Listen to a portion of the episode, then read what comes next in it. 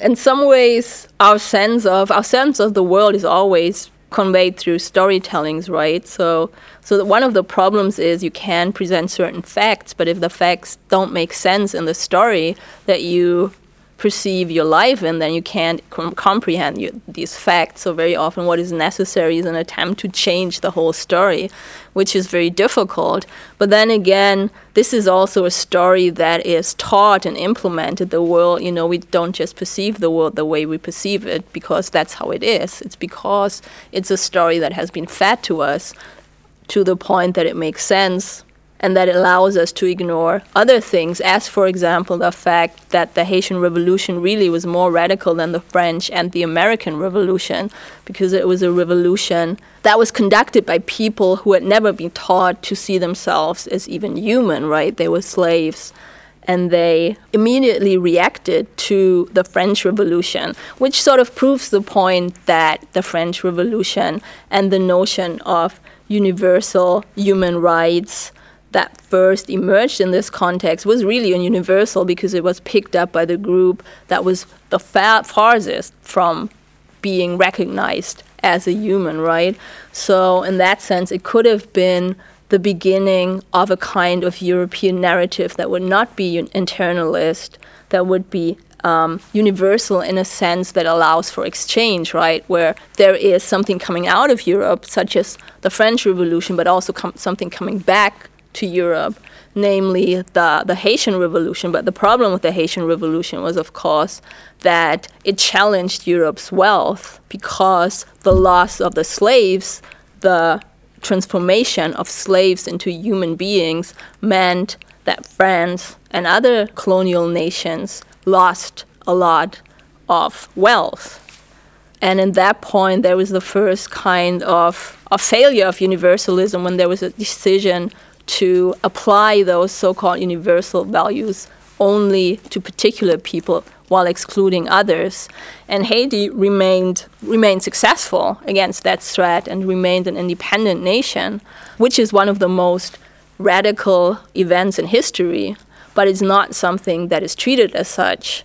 It is not treated as a model. It was not treated as a model at that point because it was a threat to all of Europe, uh, Europe's colonial possessions, and it was a it was a threat to this hierarchy, this so-called natural hierarchy that had been established. If the lowest of the low, lower than the French working classes, could establish an independent republic, republic what that what did that mean to the system that existed worldwide at that point? And I think in in some ways you could say that that Haiti is still punished for that. Of course, the Haitian nation was was required to pay reparations to France, and it did pay for for many many decades, but it's still it's still paying. And um, the recent challenge to by a number of Caribbean nations to Europe and the re- the request for reparations is very often treated as something that demands payment for something that happens in the past but that's not really what it is, right? Because you could also see it as a demand to pay back what has already been paid because it were the former slaves, it were the former colonized nations that had to pay, right? Indonesia had to pay to, to the Netherlands just as Haiti had to pay to, uh, to France. And it's also a recognition that the effects of slavery and colonialism are still there, so it's not something that's in the past, but the perception is that again Europeans are asked to pay for the third world, as they do all the time, right, through developmental aid. So this is a notion that is also part of this dominant narrative where Europeans basically invest in the global south because they are invested in human rights. If you think only a couple of years back what was happening in North Africa, for example, especially if you look at Egypt, also Tunisia, it seems now that was all for nothing, right? Now everything is back to normal, uh, maybe even worse. But that completely denies how how there was a space created in which a lot of things were possible. And I don't think that it left people completely unchanged. I think what happened is in in part that it became very obvious how challenging that opening up of possibilities was so that there was a concerted attempt to narrow it immediately again. And in some ways, that came from different sides, from the powers that be, from the US certainly, but also from Europe with all the economic interests in the Middle East.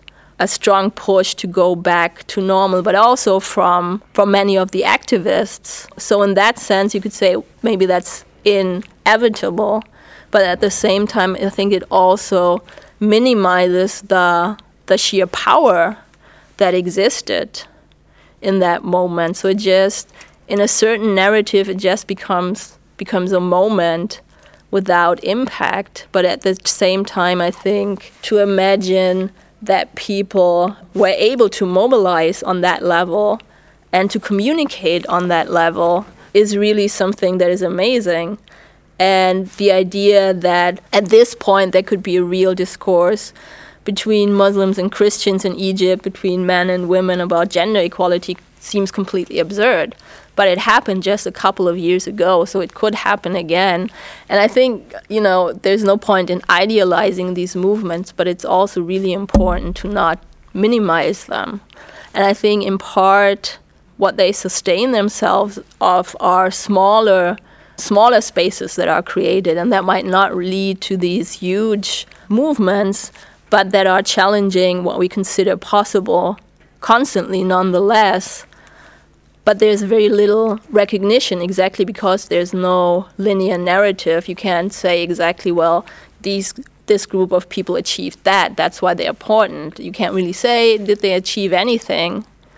So is there any way to acknowledge the space they opened? And I think maybe in some ways art can do that better because this notion of linear time I think is much more dominant in um, in a lot of academic thinking than it is in art. But at the same time, of course, if you talk about museums, they are so so much part of capitalism in ways that are sometimes really amazing to academics.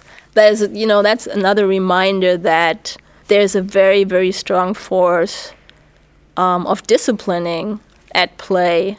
But at the same time, I also always feel if there's so much that needs to be invested by dominant groups to keep certain people in line and to keep certain groups and narratives in line, that's a good sign because it again shows this is not something that just happens because this is how people are. It's something that is implemented and it requires work. One of the spaces in the in the 80s was was feminist activism in part because there was a lot of material coming out of the US with the sort of the not the birth but the the visibility of women of color feminism which was a notion that that was also resonating with Europeans of color just like hip hop and um, queer of color activism. But I think in some ways hip hop was the only space where you had this kind of of mainstreaming, which was also, of course, in many ways very problematic but it was um, at least in Germany the first wave of hip hop was very apolitical and very white in terms of public representation. So you had a lot of things going on on the ground, a lot of um, artists of color, but the ones that were represented were, were mostly very apolitical white rappers. And then you had a second wave of hip hop becoming popular after gangster rap had become big in the in the US. So then you had you had the option for European men of color to fill in this gangster image because it already fits with dominant notions of who's a gangster, who's a thug. So it's the same kind of problematic commercialization of hip hop that you have in the US. And obviously you don't have anything like that with, with feminism. You have with feminism you have this separation where many, many white feminists align themselves with this notion of locating the oppression of women in within Islam and in Muslim communities, which meant also that the kinds of corporations that existed earlier fell apart. There's also a lot, a lot of there happened a lot of loss of funding at the same time that European governments decried the backward, so-called backwardness of Muslim communities. Many migrant centers um, that did feminist work lost their funding. So again, that there's a complete separation between the rhetoric and what happens in terms of who gets support. One of the most important early German hip hop groups of color was a group called Islamic Force, who consisted of you know some members who were Muslims, but others were not.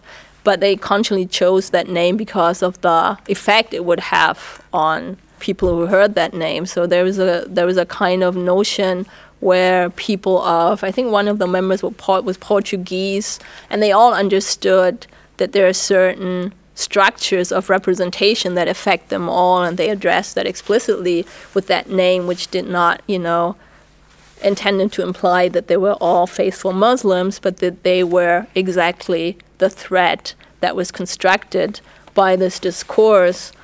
This focus, certainly after 9 11, on Muslims as the other also meant that a lot of people identify as Muslims primarily who wouldn't have done that 10 years earlier, right? So it's a reaction to this representation that is very understandable, but it also, I think, ended a number of those coalitions. Just as, you know, in the 80s, you had this notion of blackness that included people from Africa, from the Caribbean, but also from South Asia, which is something that is completely absent now. Now you have South Asians very explicitly identifying as Muslims, um, which again, you know, shows that identification is a re- reaction to political powers and the position that you are put into. But in that sense, I feel like the rise of Islamophobia also meant that it was harder and harder to maintain those coalitions because it was, in a certain extent, also more and more important for many people to identify as Muslim, to react to this to this process. So in that sense, I don't know. I don't know if that is something that has not vanished, but has become much more marginal than it was before, or maybe it will come back again. I don't know. So in that sense, the archive doesn't tell one particular story. It can tell different stories. It's the way the archives are connected that creates larger stories. And um, if you want to unravel that, you can look to archives at certain points. And this is there's a there was a Haitian a Haitian anthropologist who um, died a couple of years ago, Trouillot, who wrote about the Haitian Revolution and wrote about how it was made impossible so again, something that happens when master narratives are created is also that things that actually did happen are erased through a narrative, which is a scary notion because it's not enough to do certain things. What you have done can still be erased. So, as I said, the Haitian Revolution was really one of the most radical and oppressive events in, in history, a population of slaves gaining independence and retaining in independence, but it's a narrative that is not only completely ignored, but is framed in a different narrative, in a narrative of black savagery, where you can talk about excesses of the French Revolution as not necessarily the essence of that revolution, um, but the essence of the Haitian Revolution is um, uncontrolled violence the first hip hop song that was ever recorded in Germany was by a Turkish German rap group, and what it was about was about the rapper's father and his history of coming as a migrant to Germany. So that was a very explicit attempt to create an archive of the story that that generation was looking for.